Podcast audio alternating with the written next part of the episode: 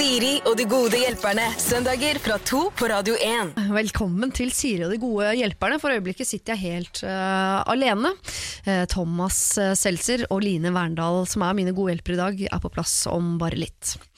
Store deler av Norge begynner å se tegn til vår, vil jeg tro. Litt avhengig av hvor i landet du bor. Og jeg får jo ofte inntrykk, hvert eneste år, av at vår er folkets favorittsesong. Jeg er oppvokst med en mor som prater mye om at nå, nå går vi mot lysere tider. Og da refereres det veldig sjelden ikke bare til liksom sola sjøl, men også til sinnet. Nå skal alt bli så mye bedre. Sjøl liker jeg ikke det presset så godt som det oppfattes som, for jeg syns at våren er litt vanskelig, skal jeg innrømme.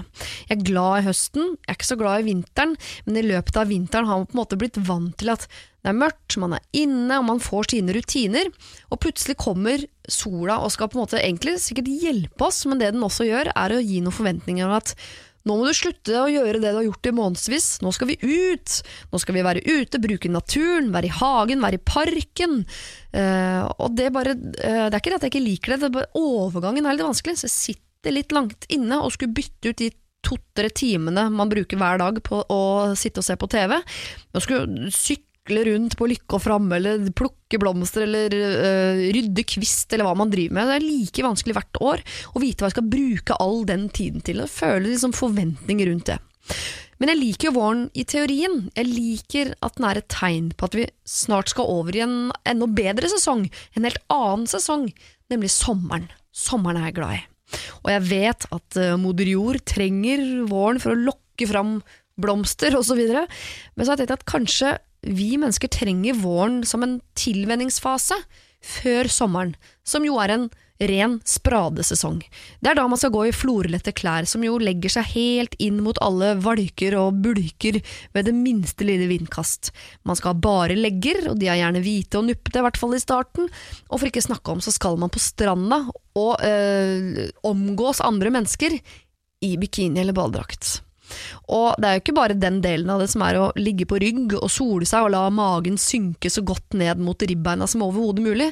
Det er også den delen av det hvor du må stå bøyd uh, i bikini over et sandslott, eller for å plukke opp noe hvor den ene puppen ramler sånn halvveis ut av den litt for lille bikinien osv. Alt det der er vanskelig, men fordi sommeren er så digg, så godtar vi det. Og da er det kanskje greit å ha våren og tilvenne seg dette på. Vi skal dypdykke i problemer nå de neste timene. Thomas og Line er på vei. Siri og de gode hjelperne. Søndager fra to på Radio 1. Jeg, Siri, har fått mine to gode hjelpere på plass, og i dag så er det Jeg har ikke bestemt meg for hvem jeg skal begynne med. Line Verndal og Thomas Seltzer. God dag. God dag. God dag. Da var du fin, Thomas. Du pekte på Line. Damene først. Ja, har du ikke var det hørt det? om det? Jeg har hørt om det, men må jeg ta hensyn til det som dame, jeg også? Det er et godt spørsmål. Takk. For det er jo du som er kjent for å stille gode spørsmål, så når du sier det til meg, så blir jeg veldig glad. Takk. Ja. Ja, må damene ja, Skal damer f.eks. holde døra opp for andre damer? Er det universelt? Hvis eh, vi, Line, er på samme Ja. synkende båt, kan jeg gølve deg for å komme fram til livbåten, eller blir det, er det frekt? sånn Det er jo frekt, men, ja. men eh, ja, vi har vel ikke noen sånne regler? Har vi ikke det? Har vi det? Vi, Er kvinner og barn først, da, men la oss si at du er kvinne, og så har du mye av barnet i deg. Ja, Eller at du er eventuelt gravid. ja. Fysisk så har du barn i deg. Da må du komme før hun dama som kanskje ikke er så barnslig, som ikke er gravid. ja, gravide først. Gravide først. Og barn. Og så barn. Og så andre damer. Ja. Så kveg. Og så menn. Jeg er seks timer på vei. Det er gøy. Ja, man kan si, å ja, så mista jeg det, ikke sant? Det kan man si det på. Jeg kommer til å bruke i hvert fall den unnskyldningen. Dere vi skulle ikke egentlig snakke så mye om Titanic-aktige temaer, eh, men det er ikke så helt urelevant heller, fordi vi skal jo snakke om andre menneskers problemer, og derfor så trenger jeg å vite om dere har liksom er dere inne i en problemfri tid sjøl. Damer Eh, først. Og da må jeg, må jeg svare først hele tiden. Ja. På alt. Ja. Uh, ja, ja, ja, egentlig. Litt sånn uh, Nå smelter jo snøen og sola kommer, og da blir jo alt mye Jeg er så enkel at jeg syns at livet er lettere med en gang. Ja, så du er vårmenneske? Ja. Du er som blomstene, liksom. Trenger litt lys og varme, og så er alt eh, på plass? Ja. Jeg har akkurat snakket om det før dere kom, sånn at jeg er litt motsatt. Jeg får litt sånn eh, våre prestasjonsnerver, liksom. Men Ja, var nå stjeler du mitt poeng. Å ja, ja. men, eh, Jeg er litt sånn høsttype, jeg. Ja, ja. Og våren, husker dere den svenske poeten Karin Boye? Hun hadde en, et dikt som het 'Hvis gjør det ondt når knopper brister', som handlet om den smerten som man faktisk kan føle, i hvert fall noen av oss kan føle om våren. Ja. At eh, Mens alle andre feirer at nå kommer livet tilbake, så for en del av oss så er våren en tid hvor man kanskje gruer seg litt, til- litt til ting. Og er tenker at nå yrer, nå er det så mye liv, og det er så mye muligheter og sånn. Og det er så mye som skjer, kanskje jeg ikke får til de tinga jeg skal, det er for masse muligheter jeg går glipp av. Altså Våren er litt sånn hyperaktiv tid. Ja, Vi liker heller den der stille høsten, Ja. hvor ting er i ferd med å råtne hen og bli dekka av snø. Jo, Man har jo da gjerne sittet inne en gode fire-fem måneder og sett på TV-serier, og det har blitt mørkt klokka sju, og, og, ikke sant? så da tenker man nå er dagen over, nå kan jeg bare slappe av herfra ut. Og så her, meg går jo ikke sola ned før i ni-tida, så jeg tenker jeg, så jeg må være ute i tre timer til før jeg kan sette meg ned og se på TV-serier. Skal skal jeg sykle, da, eller hva skal jeg bruke de tre timene for? Jeg aner ikke hva jeg skal gjøre Nei. etter klokka seks utafor mitt eget hus. Jeg vet ikke hva jeg skal drive sitte med. da. inne og se på Netflix med solbriller. Ja. Ikke sant? Og da føler man seg så mislykka som menneske. Kjempevanskelig tid. Ja, Jeg er helt motsatt av dere der, altså. Ja. Rett og slett. Det er fint å utfylle hverandre, og det tror jeg kommer til å bli en bra miks nå de neste timene, hvor det jo er deg vi skal hjelpe, du som hører på. Siri og de gode hjelperne. Mail oss på siri at radio1.no. Vi skal treffe en eh, Eller vi skal ikke treffe, jeg skal lese opp en mail som jeg har fått inn fra en som heter Stine. Hun skriver Hei! På onsdag skal jeg på date med en fantastisk fyr. Vi har tidligere bare snakket sammen på telefonen, men tonen er god, så jeg gleder meg. Vi vet ikke så mye om hverandre, men jeg vet noe om han som han ikke vet at jeg vet. Nemlig at han for noen år siden gikk til psykolog etter et tøft brudd. Dette vet jeg fordi jeg kjenner denne jenta som dumpet han.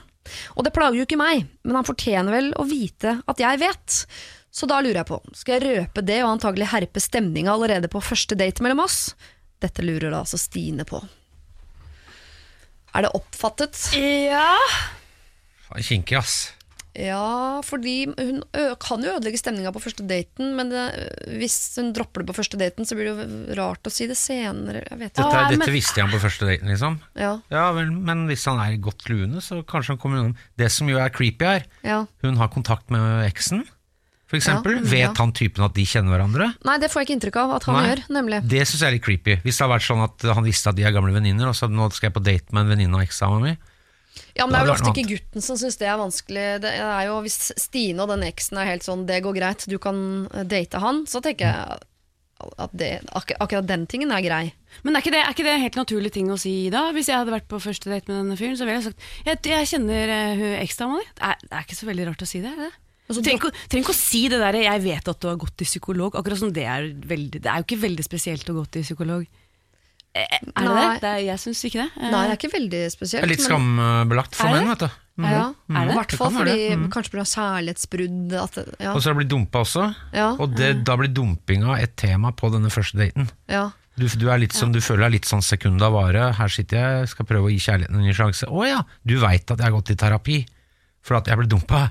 Det er jo, det er jo litt kinkig start på en måte på et slags forhåpentligvis et forhold. da. Hun krymper jo den mentale tissen hans litt grann der. Kan hende at han, Han får litt tenker litt grann balletiss av den informasjonen, vil jeg tro. da Men det, det er jo som du sier, da blir det jo hvis du ikke hvis du har hatt en hyggelig kveld eh, Eller for så vidt, det kan jo være en helt katastrofal kveld, så slipper du å si noe som helst. Eh, Men Ja. hvis det har vært en hyggelig kveld, så blir jo det blir jo vanskelig å ta det opp seinere, gjør det ikke? Eh, Men kan hun late som det er eh, Fordi det er veldig eh, lurt å tenke sånn. Det kan jo hende at den daten uansett blir forferdelig. Som da- regel blir det vel det. Nei da. Veldig ofte, statistisk sett, så går det til uh, Åtskogen. Dessuten så veit jeg at du går til psykolog! Altså Sånn at daten Ja. slutter der. Ja, ja, ja. Vet du hva? Ja. Hun må bare slette telefonnummeret hans og bare ikke gå på den daten. Og du syns ikke hun skal gå på date? Men de har jo så god tone på telefonen. Tenk hvis det er dem, liksom. Vi vet jo hvor vanskelig det er å finne den rette. Tenk hvis det er den rette. Mm, Og hun er sant, liker han allerede, på tross av at han har blitt både dumpet, har gått til psykolog og har baldis Ja, Men hvem ha, har ikke blitt dumpet og gått til psykolog, spør jeg da. Ikke jeg. Har du ikke? Det er bare dumpa. Nei, men det er jo ja, Er det så skambelagt, ja, liksom? nettopp. Ikke? Nei, ikke for jenter, men kanskje for gutter. Kanskje, eller kanskje litt for gutter, ass, dessverre. Men jeg har gått til psykolog, jeg, og blitt dumpa. Av psykologen. Så- Nei, det jeg faktisk Nei, jeg har vært er sammen, vært sammen med en psykolog før, og jeg skal gifte meg med en psykolog nå, faktisk. Ja. Så kanskje det er rådet til han fyren. Gift deg med psykologen, ikke Ja. gå på date med dama. At Stine skal si er hyggelig å treffe deg, men du burde heller gå på date med psykologen din. Og har du tenkt på at han typen kanskje hører på programmet her? Ja, men det må du aldri si i dette programmet, for det er ingen som tør å, å melde noe som helst. For det gjelder jo alle. Nei, ikke sant. Ja. Men jeg ville, hvis jeg skal være helt ærlig hva jeg ville ha gjort Jeg Mm. ville ha gått på date, og så ville jeg ha sagt at jeg kjenner ekskjæresten din. Ja. Fordi at eh, Hvis du begynner med å holde ting tilbake og ljuge, så er det bare helt feil vei å gå. Det syns jeg også, og kanskje, men skal, ta, gå videre til B og si 'jeg vet at du har gått i terapi', eller bare si 'vet du jeg kjenner, jeg kjenner eh, ekskjæresten din', vi er kompiser, liksom. Ja. Da- La, implisitt, jeg veit hva, hva som har skjedd. Men hvis hun, Ja. da, for hvis hun Mm. da sier 'jeg vet at du har gått i terapi', så gjør hun det til en ting som er veldig rart og veldig spesiell at han har Ja, For det kan du er si hvis det kommer fram senere og sier sånn 'Å ja, ja, det visste jeg, men herregud, det tenkte jeg ikke på. Det, det er jo ikke så farlig. Nei, ikke sant? si. Og da, det må jo han eventuelt si, tenker jeg, og ikke henne. Da inngår vi et kompromiss som er Du går på daten, selvfølgelig. Eh, på et eller annet tidspunkt Du kan godt vente et kvarter ute, for hvis det er ordentlig dårlig stemning fra det dere kommer inn døra, så kan du la være. På et eller annet tidspunkt ute her så sier du at du kjenner eksen hans, og så trenger du ikke å si noe mer enn det. Da legger du ballen hos han, og så får han eventuelt ta det videre. Lykke til!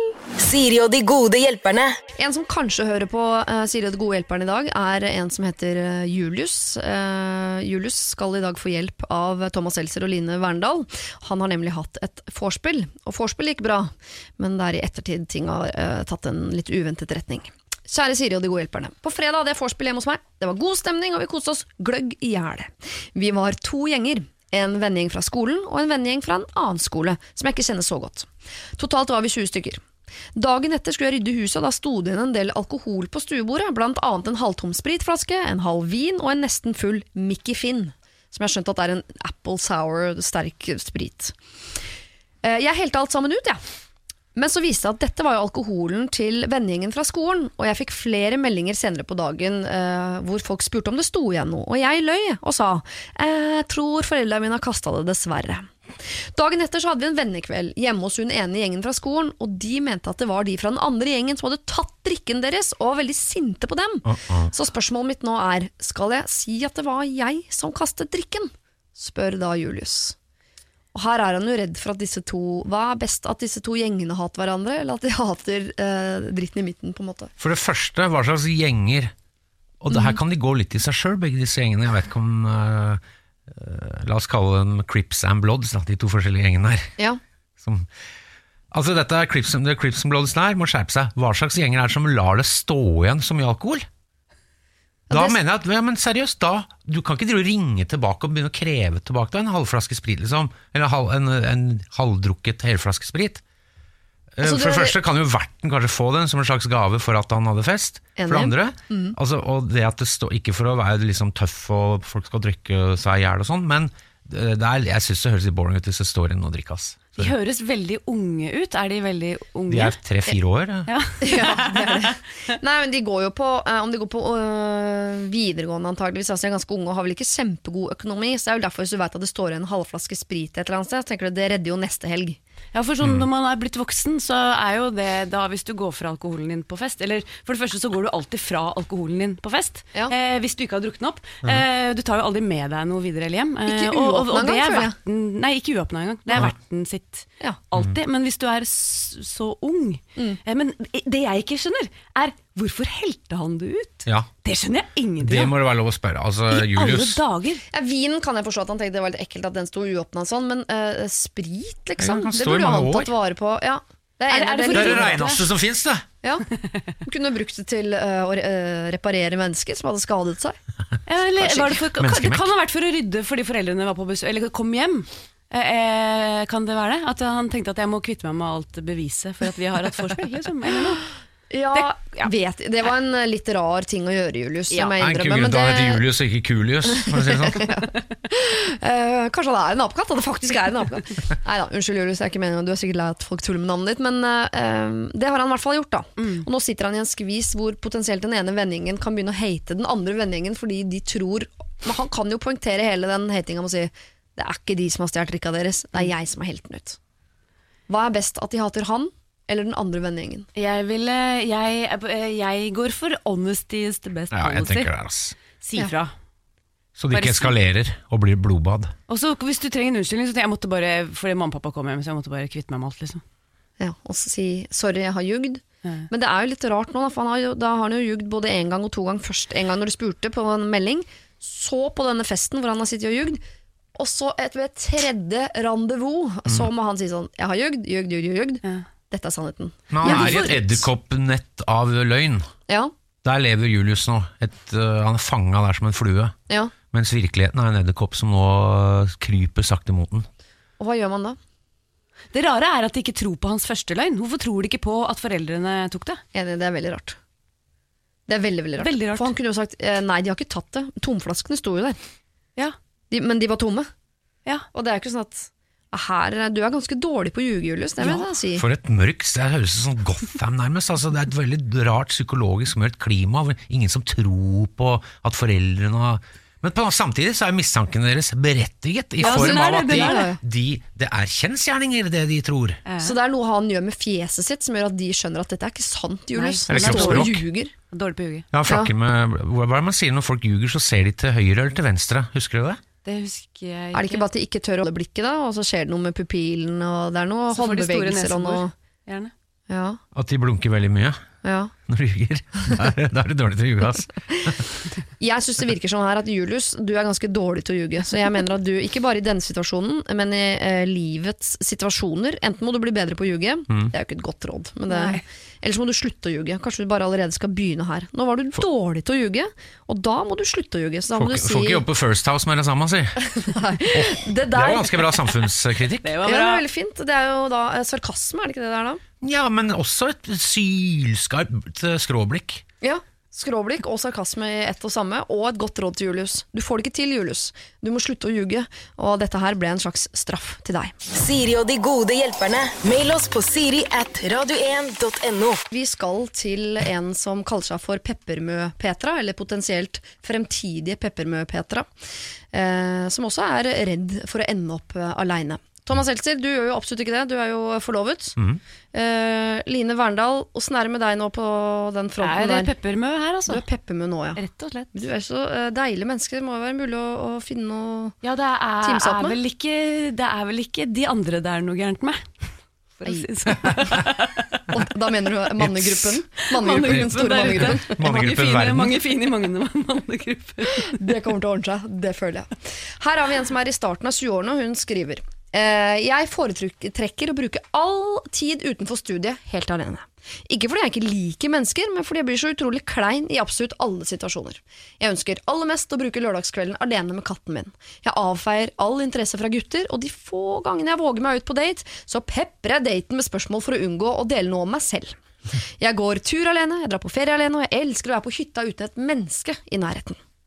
Alt dette i frykt for å drite meg ut fullstendig. Jeg må til og med tenke grundig gjennom hvordan jeg skal si hei til folk som jobber i butikk. Noe som eh, regel fører til at jeg brøler det ukontrollert ut. Altfor entusiastisk og falskt. Så går jeg hjem da og tenker på hvor kleint det var de neste tre dagene. Og sånn er det i de fleste situasjoner. Når jeg først tvinges til å være sosial, så oppleves jeg av andre som en sinnssykt utadvendt person. Men når jeg kommer forbi den overfladiske praten, så er jeg helt lost. Jeg er på god vei inn i fremtiden som bitter alene, og lurer på hvordan jeg skal unngå det. Hilsen av fremtidig Peppe med Petra. Vanskelig og store råd å skulle gi, men hvordan unngår man den fremtiden der, Line? Oi, oi, oi. Jeg kjenner meg veldig igjen i dette. Eh, fordi jeg, jeg er jo også tilsynelatende ganske sosial og flink til å utadvendt og alt det der. Men jeg, jeg, jeg har jo Jeg må manne meg opp eh, stort sett når jeg går ut døra. Ja. Eh, for å være den sosiale personen som jeg ikke føler at jeg egentlig er. Eh, jeg tror på øv... Du må øve på det. Men går du hjem også det. og evaluerer kvelden og sitter og slår deg på tenker sånn Og så sa jeg det til han, og det til hun, Ja. og jeg er jo helt ute. Ja, ja, ja. Ja. Så slitsomt. Jo, jo. Ja, ja. Nei, nei. Straff, straff. Skam, skam. Jo, jo. Skam, skam, mye av skam. det. Ja, da, nei, men, eh, men, eh, jeg, men jeg, jeg tror man, man må bare utsette seg for det. Gang på gang på gang. på gang på gang Uansett hvor ubehagelig situasjonen er. Jeg har, jeg har gått ut av døra og tenkt at jeg, nå skal jeg gå ut og spille Line Verndal. Nå skal jeg være hun Ja. som alle forventer at jeg er. På en eller annen kjendisfest eller sånn helvetes vanskelige ting. Eh, og så er jeg da super, superblid, supersosial og veldig til stede. Veldig opptatt av alle jeg snakker med. Ja, for jeg traff er- deg på en Ikea-fest for mange år siden, og da Ja. var du veldig Line Verndal. Og Ja. Da tenkte jeg at, Men da var du rolle, kanskje? da? Ja, jeg er jo Men jeg spiller den versjonen som jeg regner med at folk forventer at jeg skal være, og så er jeg hun fullt ut, og så er det jo ikke Men, men, men jeg kan også ha narko, glede av det, liksom.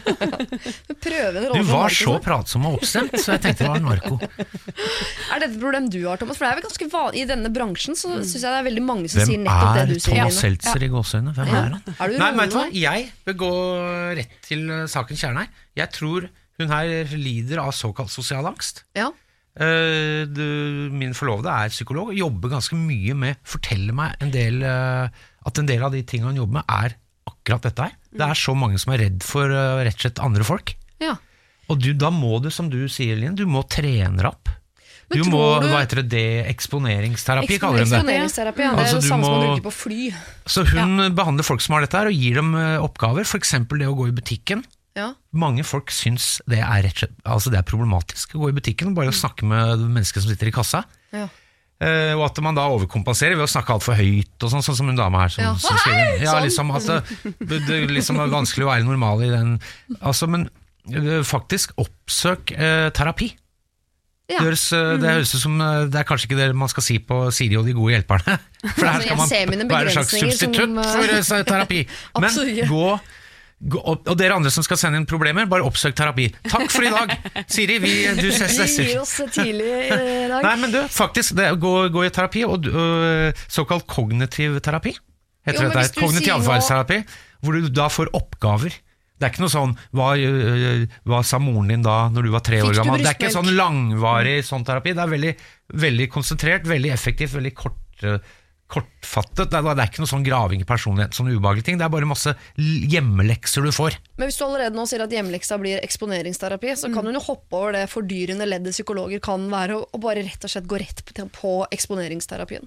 Kanskje Bare går gå rett på eksponeringa. Oftere på fest, oftere på date. Og jeg vil si, vet du hva, jeg skal si noen kloke ord her. Ja.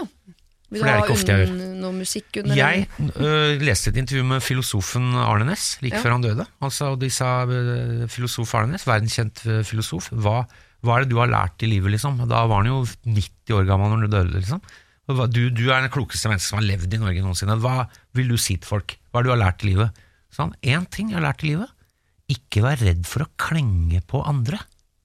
Ikke vær redd for å være altså, hva heter det, klengete. Oppsøk andre sosialt, mer enn det man gjør vanligvis. Altså mer enn det du gjør. Ja. Bruk livet ditt på å prøve å oppsøke andre folk mer. Også det syns jeg er veldig fint. Og så vil jeg legge til, eh, også til Pepper med Petra, uh, avslutningsvis, kan jeg legge til noe en annen klok mann har sagt, som uh, lever i beste velgående. Trond-Viggo Torgersen sa det at livet er ubehagelig. Du kommer ikke unna ubehag i livet. Så hvis du går i butikken og tenker dette her er ubehagelig, ja vel, det går bra. Det betyr ikke at det er farlig. Det sier jeg til barna mine nesten hver dag. Det betyr ikke at det er farlig. Selv om du er redd, så er det ikke farlig. Selv om det er ubehagelig, så er det ikke farlig. Så gå på fest, gå på date, og gå i butikken, det må man vel. Uansett, det kommer du ikke unna. Og øv. Ta og masse, eksponer deg for de tingene du syns er litt skummelt. Og legg lista skikkelig lavt. Bare sånn uansett når du har, Hvis du har gjort en eller annen fremstøt på et eller annet sosialt uh, felt, eh, belønn deg selv for Vet du hva, jeg gjorde?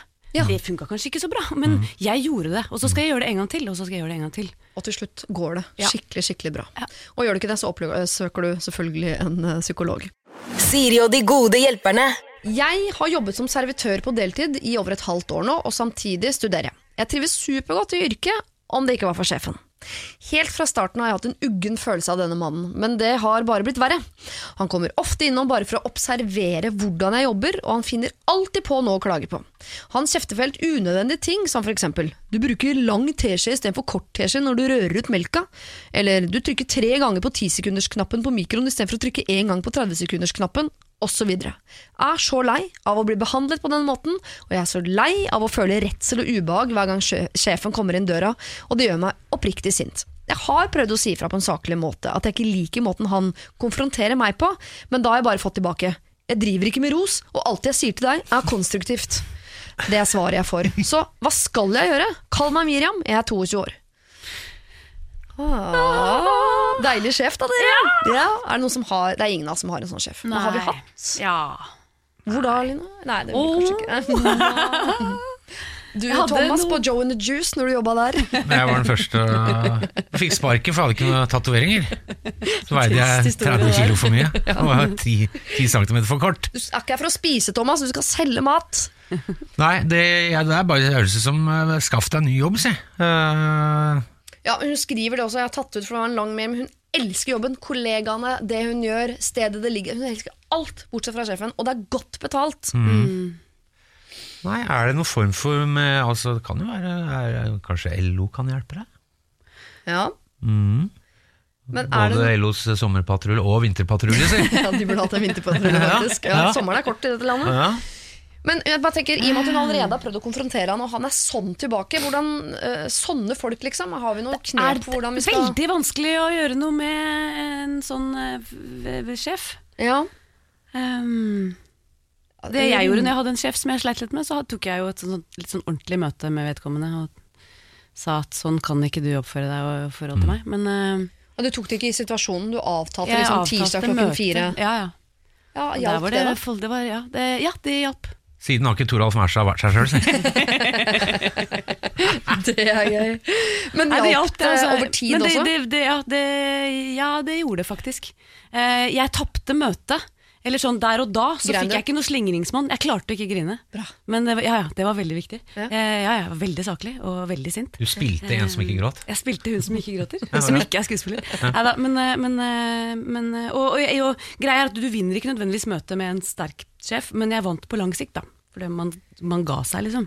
Ja, for han, er, han høres ut som en type som i det møtet er opptatt av at her er det jeg som er sjef, og det er jeg som har rett til å si Ja. hva du vil, jenta mi. Eh, mens at han kanskje tar til seg en 10% av det, som gjør at han på sikt blir en uh, lettere sjef å forholde seg til. Da. Mm. Ja, det kan man jo håpe. Men Miriam, jeg skal ikke spørre deg om hvor gammel du er, men Miriam er 22. Mm. Er det, skal vi forvente at Miriam tør å liksom kalle inn til det møtet der med sjefen? Nei. Det hadde vært kult. Det er vanskelig, det har vært veldig kult. Men, men kan hun, kan hun, er det flere på jobben som har det likedan? Kan de være flere som er går sammen og snakker med han? Ja, kanskje det. ja. Kalle inn til et møte sammen. Mm. Ja. Hva hadde du tenkt hvis noen dro deg inn i et sånt møte, Thomas? Nei, da øh, Dette, dette bullshit her, det har jeg faen ikke tid til. Det ville jeg tenkt. Det ville jeg sagt. Og så, men hadde du gått til deg sjøl prate om følelsen deres, så er det et sted som det, for det som heter sosiale medier. Mm. Snapchat. Men det, er, det hender jo Blogge, dere får blogge. Nei, altså, nei, det høres jævla kjipt ut, men han, han er vel en sånn øh, effektivitetsfyr, da, og tenker at øh, kan, altså, kan det være at han har rett i å ikke trykke tre ganger på 10-sekundersknappen når du kan trykke på 30-sekundersknappen i stedet? Ja. Jeg Kan tror kanskje være har det fortsatt man skal røre med lang teskje. Kan jo hende han er helt rå på det han driver med, og at Miriam 22 er litt sånn «Nå Er det så farlig, ja? Ja. Kanskje det er en læringsprosess som hun må ta, faktisk må ja. jeg vet Kanskje ikke det er finne seg i. Det bare høres kjipt ut. Altså, gå og være, gå å gå på jobb og det ubehaget der og sånn. Det er jo ikke noe klart hun ikke skal finne seg i det, men øh, Nei. Nei, vet du hva, Miriam, det skal du ikke finne deg i. Du skal ikke grue deg til at sjefen kommer på jobb. Men det kan hende at det er noen av de tingene han tipser deg om som man kan lære noe av. Men det du virkelig kan lære noe av her, er å gjøre nettopp det som vi ikke egentlig kan forvente av en 22-åring, men som Line allerede har gjort. Nemlig kalle inn til det møtet. Sette seg ned, og ikke gå dit for å vinne det møtet, men for å vinne på sikt. Og hvis ikke du tør alene, få med deg flere av kollegaene dine, og kall han inn på teppet, og ha en helt sånn ryddig og saklig runde, hvor du sier hvordan det føles hver gang han kommer inn i rommet. Siri og de gode hjelperne. Søndager fra to på Radio 1. Hvis du har et problem, så send det inn, sier alfakrøll radio1.no. En som har gjort det, er en som ønsker å være anonym, og det i seg selv er litt grann morsomt i nettopp dette tilfellet. Hvorfor kommer du straks til å forstå. Hjelper i dag er Thomas Elser og Line Verndal, og øh, denne anonyme gutten skriver Hei, jeg er en gutt på 22 år som lurer på om jeg skal melde meg på neste års Paradise Hotel, eller ikke. Jeg har i lang tid spøkt med venner om å gjøre det, og veldig mange mener at jeg ville ha gjort en god figur der. Jeg er glad i å feste, og jeg har ikke noe problem med å bli sendt med nye mennesker raskt. Jeg er ganske glad i oppmerksomhet, og hadde nok likt den oppmerksomheten man i ettertid av å være på et slikt program kan få. Jeg er god til å snakke for meg, og kan nok fort manipulere de som er rundt meg. Jeg har lyst til å være med for å vinne, men også for å få en kul opplevelse. Så skal jeg melde meg på eller ikke? Jeg vil gjerne høre noen pluss og minus for hvilket valg dere mener at jeg skal ta. Planen min neste året er å ta opp fag, og innspillingsperioden foregår ikke under noen av disse eksamensperiodene.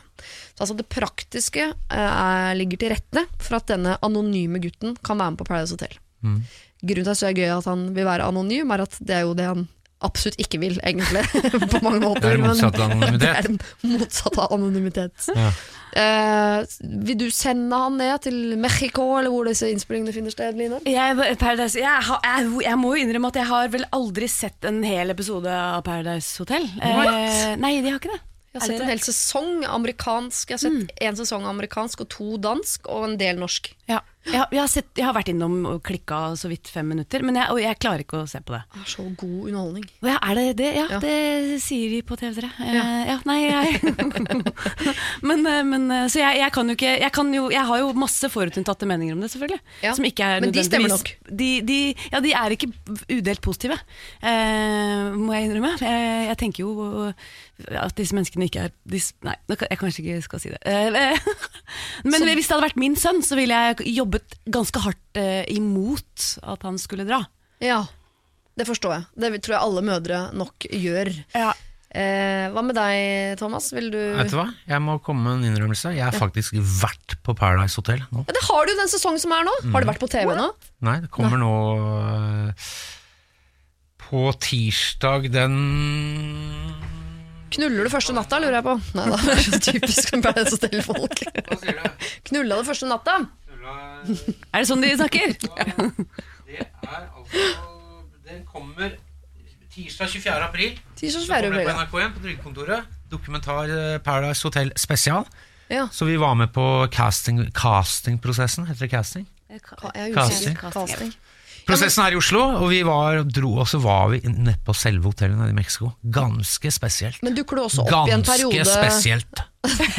Så jeg bare si to ganger, jeg. ja. Men dukker du opp i en episode også på TV3 som en sånn gjest på Nei, eller? vi var jo filma at jeg, vi lagde en sånn Paradise-scene vi lagde en sånn promo, som vi kaller det, altså reklamefilmer for programmet, hvor jeg på en måte er en deltaker. da Ja. Så det var litt Gøy. humor, da. Men jeg var eh, Så vi ble kjent med noen av disse deltakerne, og ble kjent med dem som mennesker, og hva, tenk, føle litt på hva de føler og tenker, og det er ganske interessant, for å si det sånn. Men Kan du fortelle, fortelle, fortelle mer? Eh, Nei, altså øh, Men vil du anbefale det, basert på den opplevelsen du har hatt? Noe som går igjen der, også Ja. blant disse tidligere deltakerne, er at eh, de, de vil ikke Jeg spør, vil du vil du at uh, dattera di skulle vært med på Paradise? Nei.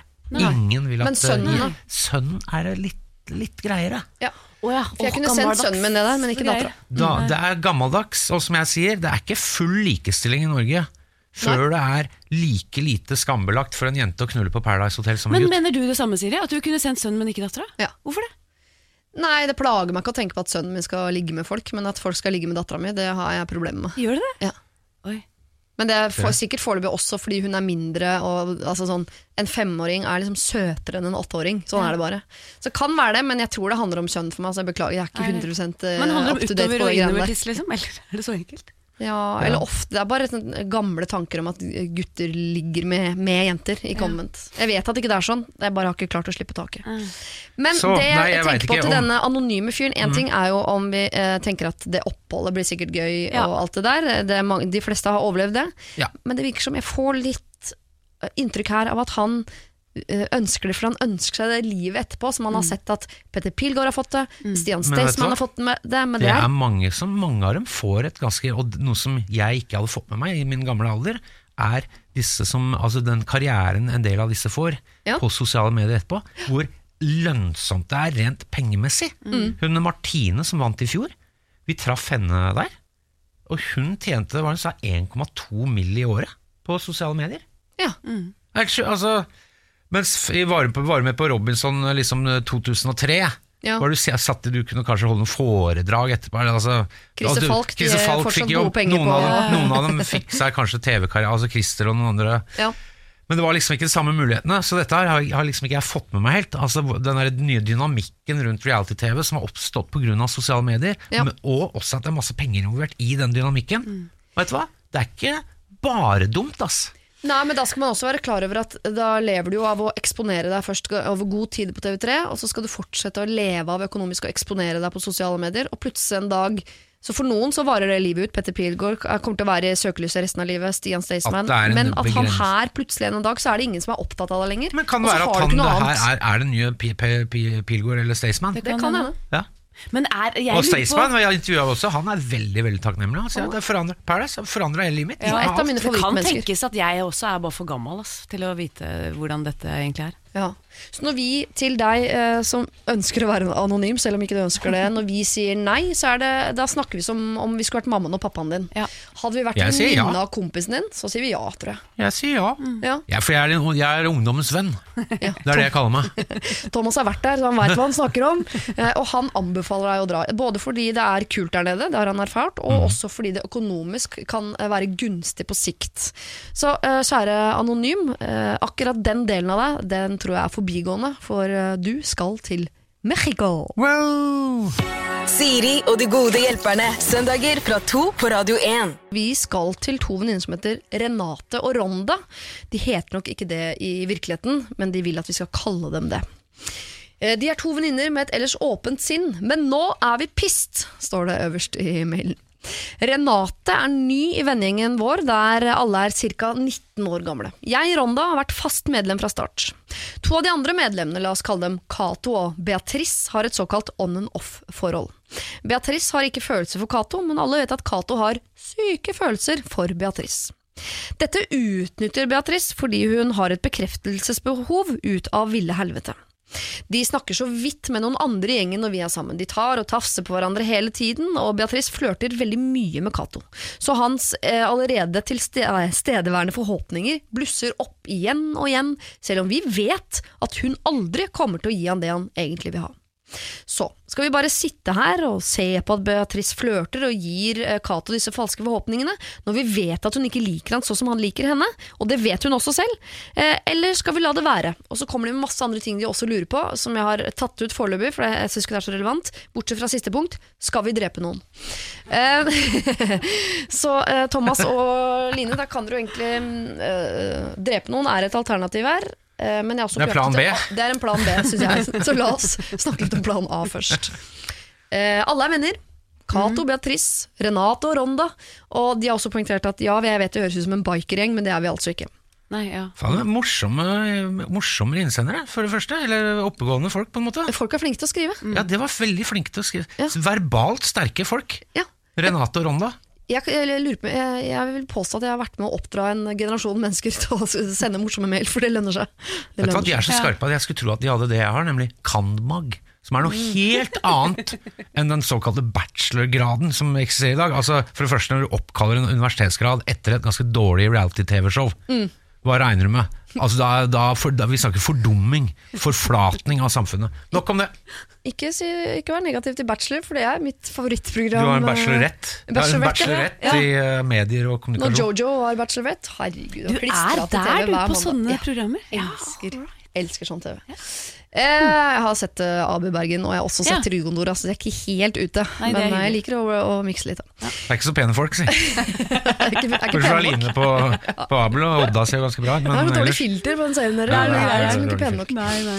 Uh, Renate og Ronda er jo innsendere av dette problemet. Um, skjønner dere at de syns det er vanskelig i en vending å sitte og se på at to stykker tafser på hverandre når de vet at den ene liker den ene og ikke den andre? Ja, Problemet her er jo det er jo Cato som har et problem, er det ikke det? Egentlig.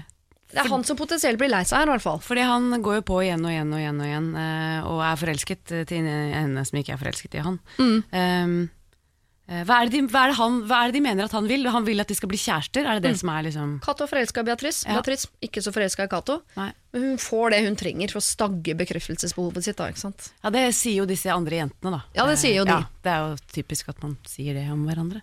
På en måte. Ja, Er det naturlig å anta at Beatrice kanskje er litt penere enn Renate og Ronda? Er det lov Tror å si det? på At det er radio? sjalusi inni bildet? Kanskje at de, er, altså de snakker om en dame som har bekreftelsesbehov. Mm. Kan det være at hun faktisk får litt mer oppmerksomhet enn dem? Ja.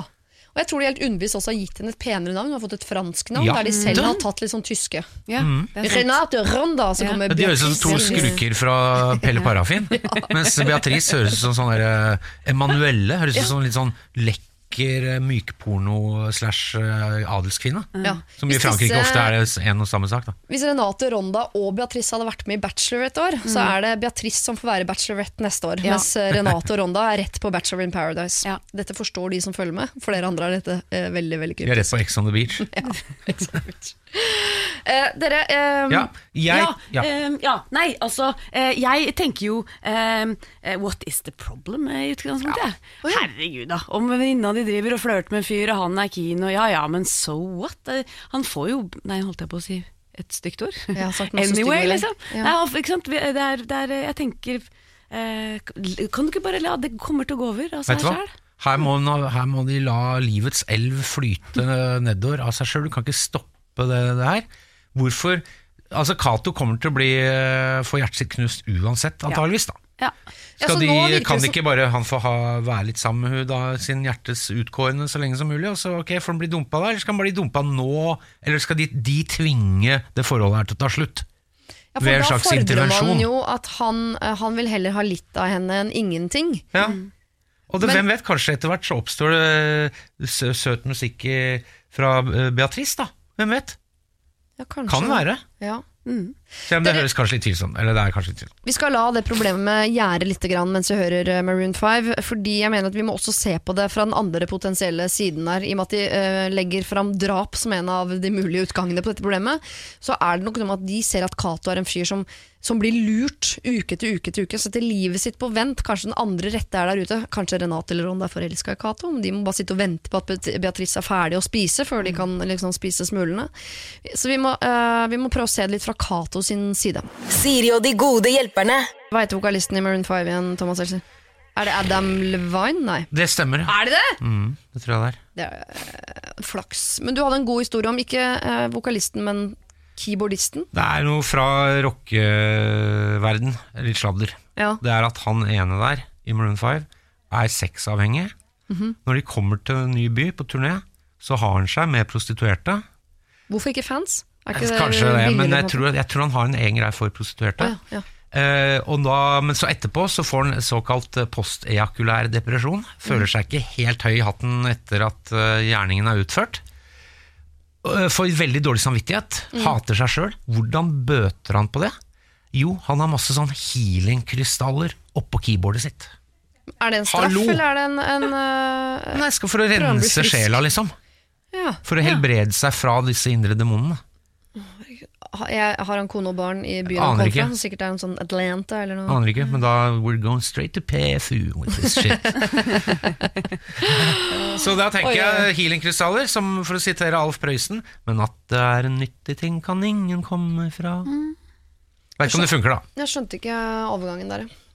Ja. Nei, altså, la oss si at det funker. Ja. Nei, det gjør jo all åpenbart så funker det jo ikke. Det funker jo helt til han kommer til en ny by, da. Det funker jo helt Ja, til han kommer til en ny by. om igjen. Om Ja. igjen, om igjen. Om igjen, om igjen. Det er. Groundhog Day, liksom. Men um, vi er jo egentlig midt inne i et problem som Renate og Ronda har sendt inn, fordi de er del av en vennegjeng eh, med 19-åringer, der også Cato og Beatrice er medlemmer, såkalt medlemmer. Mm. Cato er forelska i Beatrice, Beatrice er ikke forelska i Cato, eh, men de driver og holder på. Og de nå lurer Renate og Ronda på om de skal fortelle til Cato, det alle andre vet, bortsett fra han, at hun holder ham for narr. Og dere mente jo nei i stad, men jeg ville at dere skulle tenke litt gjennom at han blir jo på en måte såra gang på gang på gang på gang hver eneste helg med et publikum til stede som sitter og ser på at han blir lurt. Det kalles Men blir såra. Blir han ikke det? Han blir lurt, men veit han det? Han blir ikke såra før han veit at han blir lurt. Nei, men folk har alltid spurt sånn eh, Vil du vite det hvis typen din er utro? Så har jeg tenkt sånn Nei, det vil jeg ikke vite hvis det er sånn at ingen vet det. Men hvis det er sånn at hele vennegjengen min går rundt og veit det, da vil jeg vite det. Jeg, liker, jeg liker jo ikke tanken på at jeg er klovn i egen manesj uten at jeg veit om det sjøl. Men, jeg- men jeg, jeg har alltid hatt, eh, hvis jeg skal være litt oppriktig, da, eh, på en måte Så har jeg, hvis jeg har, hvis jeg har oppdaget at eh, noen har sterkere følelser for meg enn jeg har for dem, Ja. eh, så har jeg måttet avbryte eventuelt det vi holder på med. Mm. Eh, som for å være en ålreit person. Ja. Uh, og det burde det jo selvfølgelig Beatrice gjøre. Men det ser jo ut som hun ikke uh, gjør det, fordi de mener at hun har eh, Hva er det hun sier, hva kalte det for noe? Uh, Bekreftelsesbehov. bekreftelsesbehov. Ut av ville helvete. Eh, men hvis man da skulle snakket med noen, skulle man kanskje ikke snakket, snakket med henne da, istedenfor han. Ja, og eh, pirket litt borti samvittigheten hennes for Ja. å se om det skjer noe der. Ja. For det slår meg jo at Ronda og Renate ikke er så glad i Beatrice, men at de er rimelig glad i Cato. At det er derfor de har egentlig lyst til å fucke opp for Beatrice. Ja. Men da kan det være at det er det som er veien å gå. Gå til Beatrice og si det. Får du ikke dårlig samvittighet? Ja. Ja. Er du enig, Thomas? Er det veien å gå? Ja, men ikke gjør det sånn fulle jenter på fest, da. Nei, det det kan bli veldig stygt. Faen! ja. Skal dere bestemme over meg? Hva er det som skjer her? Kommer Cato inn. Hva er det som skjer her, jenter? Faen, hold Stikk, Cato! Stikk! Ikke du kan ikke høre på dette her. Hvorfor ikke det? Og så blir det grining Og så og sånn. begynner hun å grine, og så skal han trøste Ja. henne, og så blir det en ny runde med et eller annet. Ja, så ligger eh, Beatrice og Cato sammen Ja, allikevel. selvfølgelig. En gang til. Ja. Ja, ja. Oi, oi, oi. Nei, den filmen føler jeg har sett. Renate og Ronda, jeg skjønner veldig godt hva dere tenker, for dere er glad i Cato og vil ikke at han skal bli lei seg. Og så tror jeg ikke dere liker Beatrice så innmari Men hvordan godt. kom de fram til drepe noen? Det lurer jeg på. For at det er ganske De var frustrerte over mye annet også, Beatrice, kan jeg fortelle. Det var en lang, lang mail her. Men, henne. ja, de er ikke så glad i Beatrice, Nei, for å være helt ærlig. Eh, så drepe noen, jeg tror denne noen antakeligvis Nei. er Beatrice. Ja. Jeg lurer på om Ikke vi må ha en Beatrice spesial på trygdekontoret. Altså. Ja, jeg tror dere skal gjøre det. Jeg tror dere skal gjøre det. Ikke drep Beatrice. Det er det første rådet vi kommer eh, med. Det går bare utover dere sjøl på lang sikt. Eh, ikke snakk med Cato, men se om dere kan snakke med Beatrice. Se om dere kan pirke borti noe dårlig samvittighet der. For hun burde ha dårlig samvittighet over at hun lurer Cato uke etter uke etter uke mens dere sitter og bare ser på dette klovneriet. Så eh, hvis dere har det i dere uten å være drita, Gå bort til henne og ta denne, dette oppgjøret eh, rett og slett med hovedpersonen sjøl. Da får jo hun stagget bekreftelsesbehovet sitt hun får enda mer oppmerksomhet av dere to. Kanskje det holder for den kvelden. Så er dere redda Cato, da, allikevel. Siri og de gode hjelperne. Eh, Mine gode hjelpere i dag er Line Verndal og Thomas Seltzer. Og vi skal eh, hjelpe et eh, par som skal gifte seg, akkurat som deg, Thomas, men som har rota seg inn i en løgn. Jeg og min forlovede har et problem. Vi møttes for fire og et halvt år siden på Tinder. Og Den gangen var det ganske nytt, og vi syntes egentlig det var litt flaut å skulle ha møtt hverandre der. Vi samkjørte ikke dekkhistoriene våre, så vi har fortalt forskjellige historier til våre familier. Jeg har fortalt at han var på besøk hos noen venner i byen jeg studerer i, og at vi møttes på byen. Han har fortalt at vi møttes på en hytte da han var på guttetur i Gol. De fleste av vennene våre vet at vi møttes på Tinder, men ikke alle. Vi skal nå gifte oss, og er veldig redd for at dette skal komme opp under en eller flere av talene. Hva i alle dager kan vi gjøre? Skal vi satse på at ingen nevner det, eller må vi fortelle hver av en av de som skal komme i bryllupet, hvordan vi egentlig møttes? Eventuelt finne en dekkhistorie sammen, som vi forteller alle. Og blir det ikke veldig rart å plutselig skulle ta opp dette nå, fire og et halvt år senere? Kall meg gjerne Martine. Ja, Ja, Yes. bak det inn i en tale. Si, få noen til å Ja ja, hvordan dere møttes, det er det mange som lurer på. Eh, eh, og gjør noe morsomt ut av det eh, i plenum. Er det en idé? Ja, men tenk at Martine brura sjøl skal reise seg og holde tale først, på en måte. Nei, for bare få forloveren til å gjøre det. sånn Forloveren tilbake det litt inn, sånn at den ikke På et sånn tullemåte. Sånn at eh, ja, På en litt sånn tilforlatelig måte, tidlig i talerekka, Ja. så blir, er det bare fer, bli ferdig, med det. Med det. Ja, fordi Hvis Martine og mannen ler av Det er jo en morsom historie. Det er gøy, det, det er jo det som kan gjøre bryllupet gøy. Ja. Ja, så gøy det. Altså, hvis, folk- hvis folk blir såre da for at de har blitt lø- ljugd til, Det er bare gøy at de løy. Da, eh, etter at du har fått litt eh, bobler i glasset og sånn, kom igjen da. Da er du i godt humør. Ok, du ble ljugd til, greit, men lev, lev med da. Ja, for Tror du ikke det kan stagge usikkerheten hos Martine? For det, jeg tipper det Martine er, at hun har litt grann, Nå er det ikke så lenge til bryllupet, hun har litt godt kontrollbehov fram mot dette bryllupet. Så Mm. de, jeg tror så lenge de har kontroll på hvor den historien kommer, Mm. så tror jeg det går bra. Men ah, de vil jo ikke være nervøse innen det bryllupet. Sånn, hvem kommer til å si det? Kommer alle til å si det? Øh, Hvordan? Hvis Ja. de bare, jeg tror det er riktig. Kommer til, å være, kommer til å være supernervøs, hele, sånn som du sier. Hele, du tenker, når er det noen som kommer til å nevne et eller annet som gjør at dette blir veldig flaut? Ja. Men er dere enige om toastmasteren? At det er toastmasteren skal si det? Tidlig, før noen begynner å snakke om eh, hvordan de møttes i en eller annen tale. Er det ikke ennå Jeg vet ikke, eh, jeg har ikke vært i så mange bryllup, men eh, er det ikke enda gøyere om brud og brudgom reiser seg litt sånn tidlig, og, og bare for at de tar det sammen først? Mm, kanskje det. Ja. Istedenfor å dytte toastmasteren foran seg som en slags løgnens uh, lynavleder. Ja, At det er gøy å ta lufta. At jeg bare, jeg syns ofte at, eh, at det blir litt for sånn rojalt, sånne bryllup, av bruden og brudgommen skal sitte helt sånn tause og bare Ja. høre på og få, liksom. Kulere om de kan være med og starte festen. Bak det inn i en felles sang. Ja, Den rosa sangen. Ja. Kunne Men ikke at det utarter seg sånn, til sånn dans hvor de danser til eh, liksom Cotton Eye Joe opp gjennom eh, forbi opp til alteret. Ok? Kan vi bare være enige om det? Å, Ikke ga ta det så masse langt. ideer til min egen bryllup. men ja. Ja, rett og slett enten ta det selv eller legge det på toastmasteren. Mm. Jeg syns de burde ta det sjøl. Det er gøy. Å ta det selv er jo det beste. Absolutt. Men de må si det. Ja. Ja. De må si det. Men f- For å tidlig. begynne med dekkhistorie ut til alle ringer rundt, og det, det blir for dumt. Si det i plenum Ja. i bryllupet. Eh, Martine, det var ikke dette du ville. Du ville at vi skulle hjelpe deg og vikle deg ytterligere inn i et nettverk av løgner. Uh, det syns vi ikke du skal. Vi syns at enten du og mannen din eller toastmasteren skal reise dere opp helt tidlig i bryllupet for å ha kontroll på når dette skjer, og fortelle den egentlige historien. Så kan dere le litt da. Jeg sa jo dette, og du sa jo dette, men egentlig grunnen er Og så kommer alle til å få en sånn comic relief.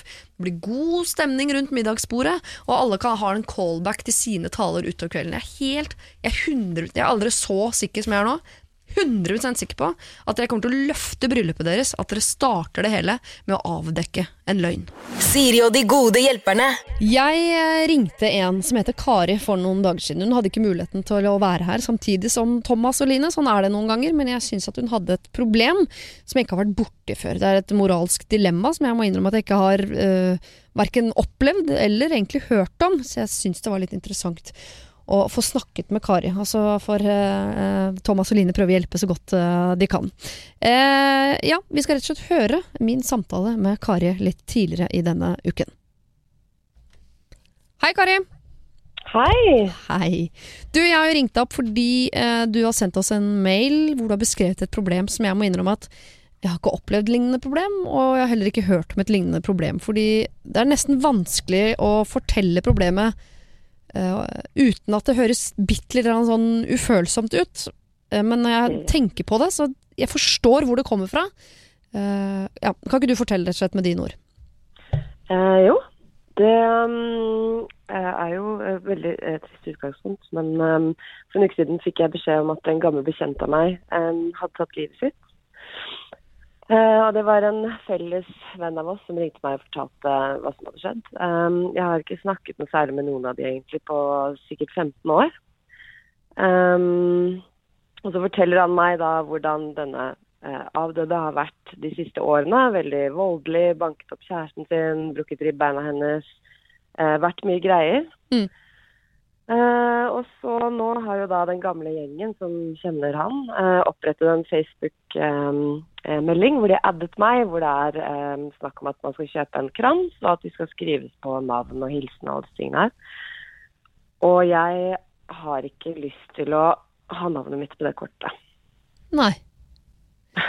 Fordi Fordi jeg, altså, jeg har ikke hatt noe kontakt med han på 15 år. Jeg har egentlig ikke noe med han å gjøre. Og også fordi han er en eh, ja, ikke en særlig bra fyr.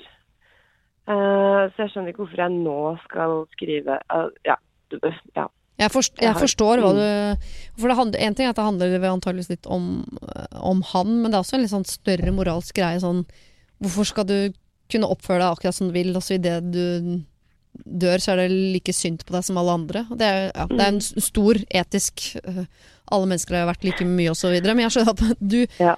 Men det er lite sånn snev av tross i det på en eller annen måte, eller du har en rettferdighetssant ut av en annen verden, eller sånn, fordi det hadde jo ikke plag... Altså, du er jo Du, du skal ikke i begravelsen, regner jeg med? Nei, det skal jeg ikke. Du, du kommer jo ikke til å ha noen opplevelse av at du står på kortet. Det er jo mer enn bare en Nei. Det er prinsipiell rett og slett ja, en prinsipiell sak at jeg kjenner at det ikke føles bra for meg. Ja. Og jeg kunne sikkert bitet i meg og bare skrev navnet på, men ja. Eller jeg vet ikke. Hvordan skal jeg komme meg ut av det? Eller ja. Ja, for det er det som er Du vil ut av det, og du vet ikke hvordan. Nei, nei nettopp. Skal jeg Ja. Mm. Hvordan Eh. forklarer jeg det til de andre? Men øh, har du vært med å, å spleise på uh, blomst, Ja. liksom? Mm. Ja, det har du Mm. gjort. Så du har på en måte Du er allerede involvert, så du kan ikke bare late som ikke du har sett, eller Nei. For det er jo fristende Nei. å melde seg på en uke etter og si sånn 'Å, det var dumt'. Ja, det så jeg ikke. Ja. Mm. Ja. Nei, fordi alle har jo svart i den gruppa nå, eh, og vært ganske aktive, bortsett fra meg. Ja. Så jeg venter på at noen skal tagge meg sånn. Kari? Spørsmålstegn. Eh, ja. Ja, nei, eh, det der er vanskelig. Som sagt, jeg har ikke vært borti det før, og jeg skjønner veldig veldig godt hvor det kommer fra.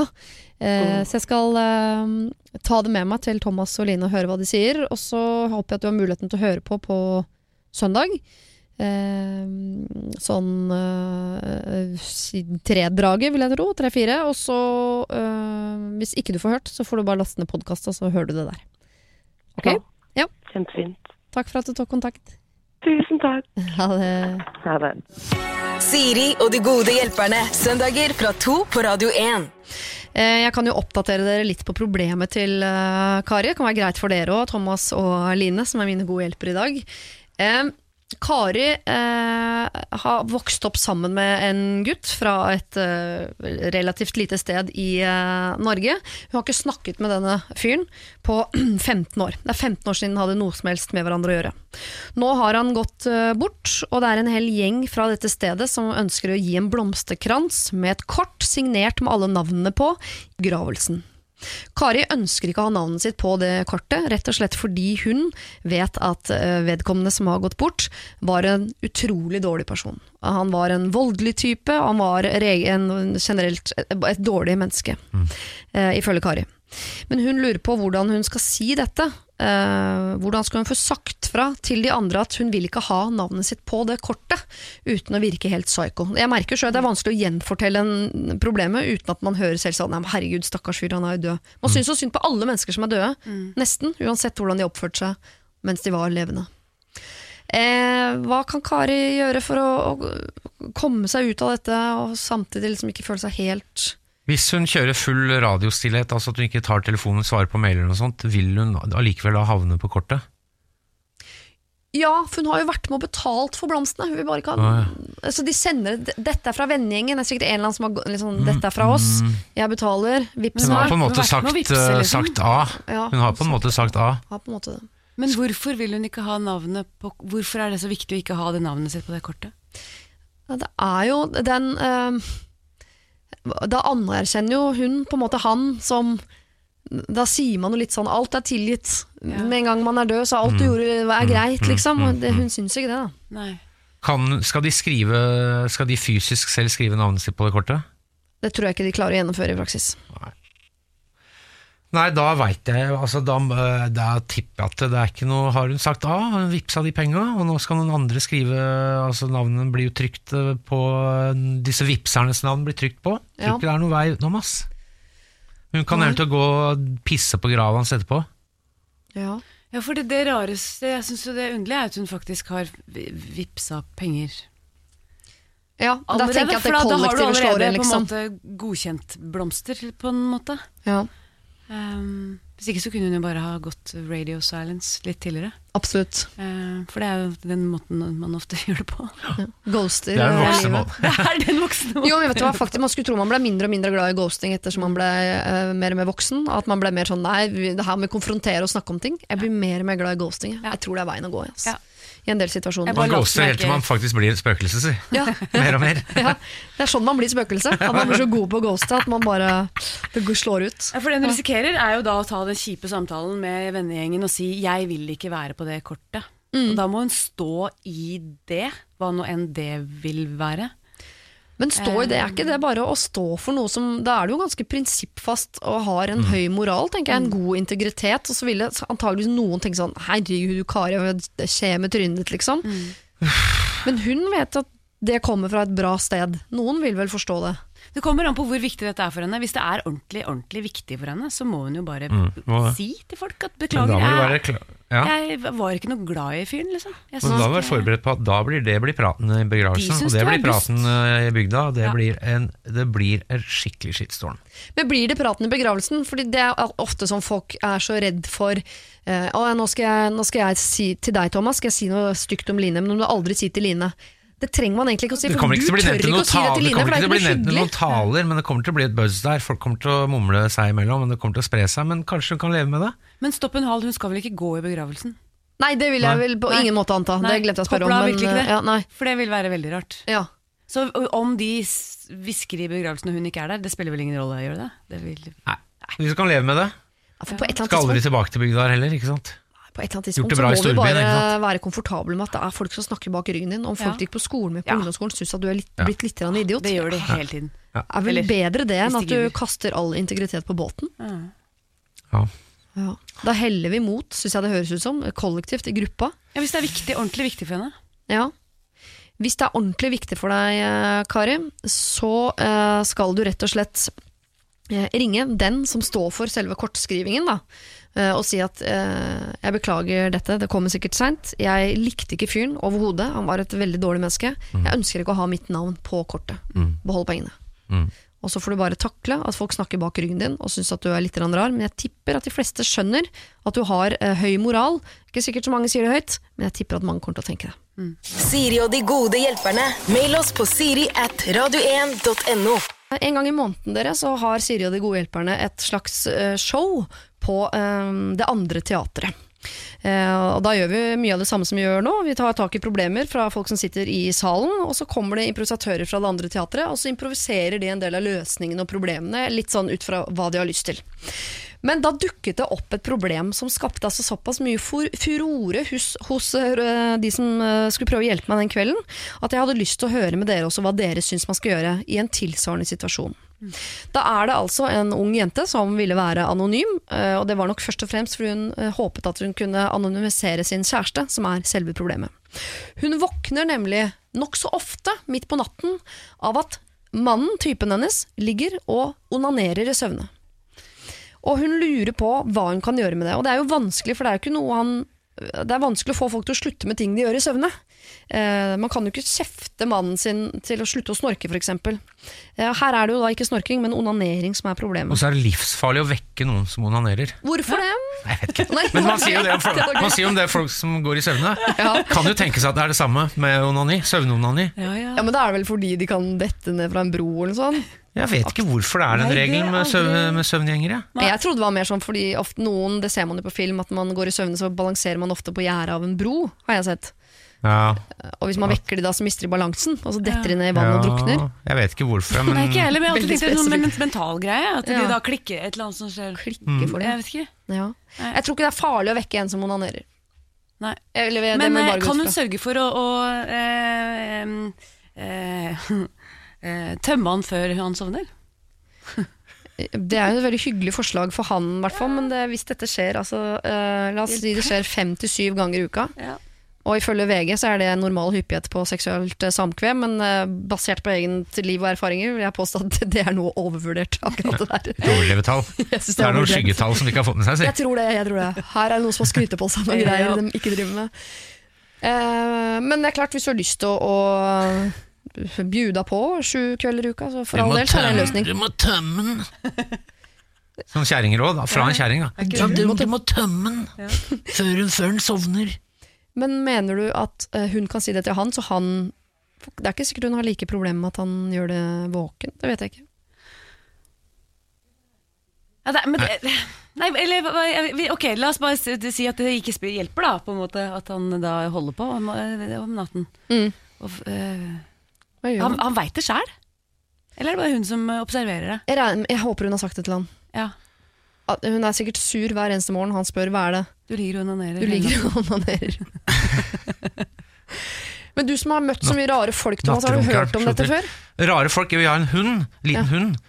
En liten griffon som er rar, som heter Molly, som Ja. bjeffer hele tida. Ja. Hvordan skal man få bukt med det? Jo, man kjøpte en sånn spray spruteflaske som du har på sånn lett dusj ja. med, med vann. Og for det hadde vi lest at du skulle gjøre, og da bikkja bare Molly bare Og så spruter du den. Så er den stille i kanskje ett sekund, mens hun bare Hvorfor ble jeg våt i fjeset nå? Og da, så fortsetter hun. Så det funka ikke. Men kanskje hun kan ta seg av han nattrunkeren med den her. At når han begynner med dette, her, så spruter han på Litt med litt sånn kaldt vann. Ja. Rett og slett en kalddusj, da. Ja, ja, ja, ja. Bokstavelig talt. Men prøvde dere det lenge nok til at hun eh, klarte å connecte dots, liksom? Å ja, bjeffing blir kaldt vann i Den Hun er så dum, så det er ikke noe dots å connecte der. Ja, og det vet vi jo ikke om denne mannen som runker i søvne, men eh, det kan det hende han er. Men prøve å spraye han i ansiktet med kaldt vann. Ja, altså Skape et eller annet ubehag uten at den våkner. Ja. Så kanskje noe lukt. Holde noe ekkel lukt opp til nesa hans. ja. Sånn at han da fantasiene hans blir kansellert. Ja. du? Mm. Eller hviske ting inn i øret du absolutt ikke vil forbinde med eh, onani. At du sier sånn Men da risikerer du at han, at han begynner å gråte i søvne mens, mens, mens runkinga fortsetter. Det er ganske trist. Ja, eller at han begynner å tenne på moren sin i våken tilstand. Kan han ha plassert noe der som han ikke orker. Men det hjelper det med At Ja, programmereren Programmererne til å få- få lyst på Det der mora må si. du ikke drive Nei, det må du ikke det må drive du med. ikke med, Trekk altså. tilbake det rådet.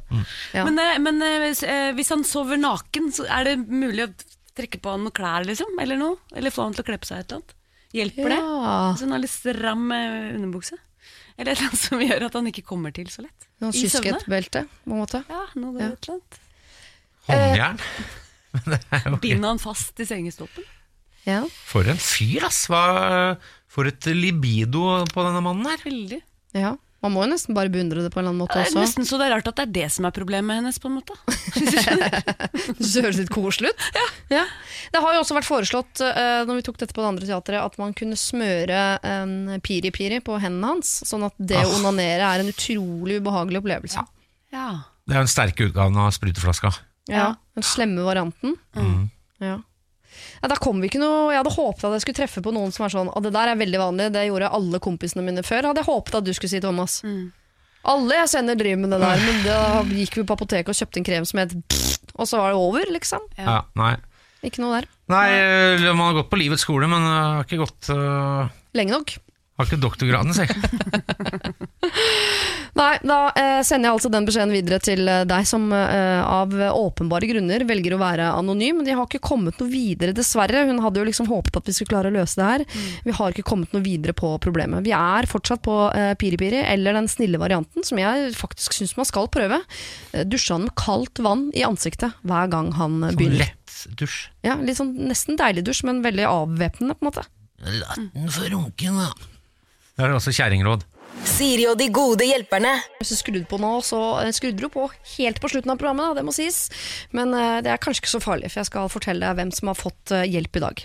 Og til dere som har fått hjelp, så kommer vi også til å sende dere sånne handlenett hvor det står litt motiverende ord på, som dere kan ta med dere videre ut i livet.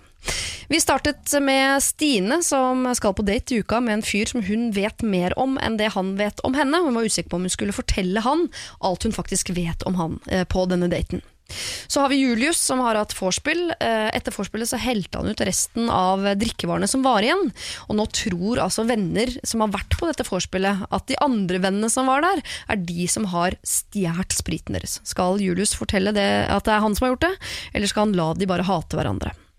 Petra er livredd for å bli eh, peppermø, altså hun skyr eh, sosiale settinger. Ikke fordi hun er så dårlig på det, hun bare gruer seg for hun har en tendens til å kløne det til, og lurte på om vi hadde noen råd til hvordan man skulle takle nettopp det.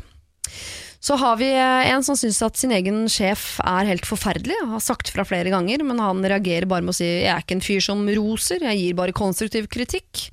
Og fikk altså beskjed av Line Verndal, basert på tidligere erfaringer, at du må eh, avtale et møte, og gjerne ta med deg kollegaer inn i det møtet. Så har vi en som ønsker å være anonym, men samtidig ikke. Han spurte eh, Line, Thomas og meg om eh, vi syntes at han skulle melde seg på Paradise Hotel. Og der fikk han vel Vi meldte oss som venner og sa ja, det syns vi du skal. Meld deg på, det kan bli gøy. Både det og tiden etterpå. Så har vi Renate og Ronda, som har eh, romansetrøbbel i vennegjengen. Beatrice driver og, og flørter med Cato, som er forelsket i Beatrice, men det er ikke hun. Eh, Martine hun eh, lurer på eh, om de skal eh, samkjøre historiene om hvordan hun og mannen traff hverandre før eller i bryllupet. De har jugd på hver sin kant om hvor de traff hverandre, for de syns det var så flaut å ha truffet hverandre på Tinder, og nå lurer de på hvordan de skal få nøsta opp i det før eller i dette bryllupet. Eh, vi har snakket med Kari på telefonen, som ikke ønsker ha sitt eget navn på kortet i en begravelse, fordi hun ikke liker vedkommende som eh, har gått bort. Vi har også Karoline, eh, som vi har kalt henne, eh, som har en type som runker i søvne. Hver eneste natt våkner hun av at typen onanerer, og hun lurer på hvordan det kan få en slutt. Der var vi usikre, folkens. Litt vann i ansiktet eller litt piri-piri på fingra. I tillegg til dette så skal dere få lov til å sende ut hver deres eh, bag, eller hver deres handlenett, til hvem dere vil, med hva dere vil. Og Thomas, du kan få begynne. Selv om du mener at det er kvinner først, men I hvert fall handlenett også er ganske femi. ja. Hva står det for noe på handlenettet? Eh, Du er god nok som du er! For en løgn. løgn. Nei, ja. Men det er jo Jeg- deilig å tro på, da. tenkt, eh, fordi jeg har tenkt på at det var jo For en del år siden så var det jo litt sånn terroralarm, for det var noen som hadde fått såkalt antrax i posten. Som er Ja. sånn derre veldig sterkt, eh, sterk gift. Mm. så- Mm. Pulverform, er det det? Pulverform, og så var det, var vel, kom det noe antrax en av eh, Trump-barna. Var det hun Ivanka som hadde fått noe? Noen som trodde at hun hadde, trodde hun hadde fått noe antrax i posten? Ja. Jeg tenker, antrax, nå har det gått for langt. Bandet Antrax Mm. må ta sin del av eh, skylda her. Ja. Husker du det? Veldig stort band på 80-tallet, metallband, med litt sånn hiphop-grooves eh, i rytmene. Litt sånn hiphop-tromming. Nå kom bandet før denne Scott bølgen Ian av altså. Hvem Det kom opp... før bølgen. Ja. Antrax er jo, Giften Antrax er bare oppkalt etter seg selv, Ja. Som ting ofte er. ja, det skjønner jeg, men har Eh, bandet Men bandet kalte seg etter Giften, de òg, men det var før den der bølgen kom med sånn postterror. Men jeg tenker at de kanskje inspirerte litt. ja. Så jeg vil sende, fylle den totebagen med Antrax og sende til bandet Antrax Ja. med en oppfordring. Ja, du er god nok som du er, men det kan bli bedre òg. Kan bli veldig veldig mye bedre. Ja. Eh, kan jo også bli dårligere da, hvis jeg åpner den bagen og den er full av antrakk. Da blir man ofte litt man- dårligere enn man var før. Ja, Bitte litt fyllesyk. Eh, Line Verndal, hvem Ja. vil du sende til? Eh, jeg eh, vil være litt eh, alvorlig, egentlig jeg da. Eller ikke så veldig alvorlig, men litt. Eh, jeg vil sende eh, et handlenett til eh, læreren til dattera mi. Ja. Andreas Ome. Eh, Mannen med verdens eh, høyeste stemme. Eh, som, Altså som i lyshetsgrad Vet eller han volum? snakker altså så innmari høyt, Oi. men det har vel noe å gjøre med at han er har, Han er ikke kastrat, det går på desibel. Overhodet ikke. Det er veldig Det er, Ja. går på desibel. Um, han er en veldig bra lærer. Ja. Datteren min liker han kjempegodt. Eh, han, eh, jeg, jeg, når jeg sitter og gjør lekser med hun Tutta, så tenker jeg jo i helvete, dette er noe dritt. Eh, og bare tanken på at han da har 28 stykk som eh, holder på med dette hver dag, mm. syns jeg er helt eh, Tar av meg alle hatter og det som er. Eh, så han syns jeg fortjener et handlenett. Og den oppi der, Ja. så skal det bare være helt stille. Og du sender han en pose full av stillhet. Kult. Åh, men kun gitt en dykkerlapp eller noe Det er jo det, noe av det stilleste man kan gjøre, er å ligge på bånn og se på fisk. Ja, kanskje han skulle fått masse jeg kan putte hva jeg vil. Ja. Eller sånn sensory deprivation tank, sånn som du ligger og flyter i. Hvor det er Ja. helt lydløst og helt floating mørkt. tank, ja. Han får en Floating floating tank, tank. ja. Gavekort på floating okay, tank jeg, jeg trekker tilbake. Han får en floating tank. og en handlenett. Å, det er bra. For det er tanken som teller. Det er det, ja, klart. Å, det er gøy! Det er gøy! Eh, Thomas Helter, Line Verndal, tusen takk for at dere var mine gode hjelpere i dag. Jeg håper dere får en uh, problemfri time i gode venners eh, lag. Siri og de gode hjelperne. Søndager fra to på Radio 1.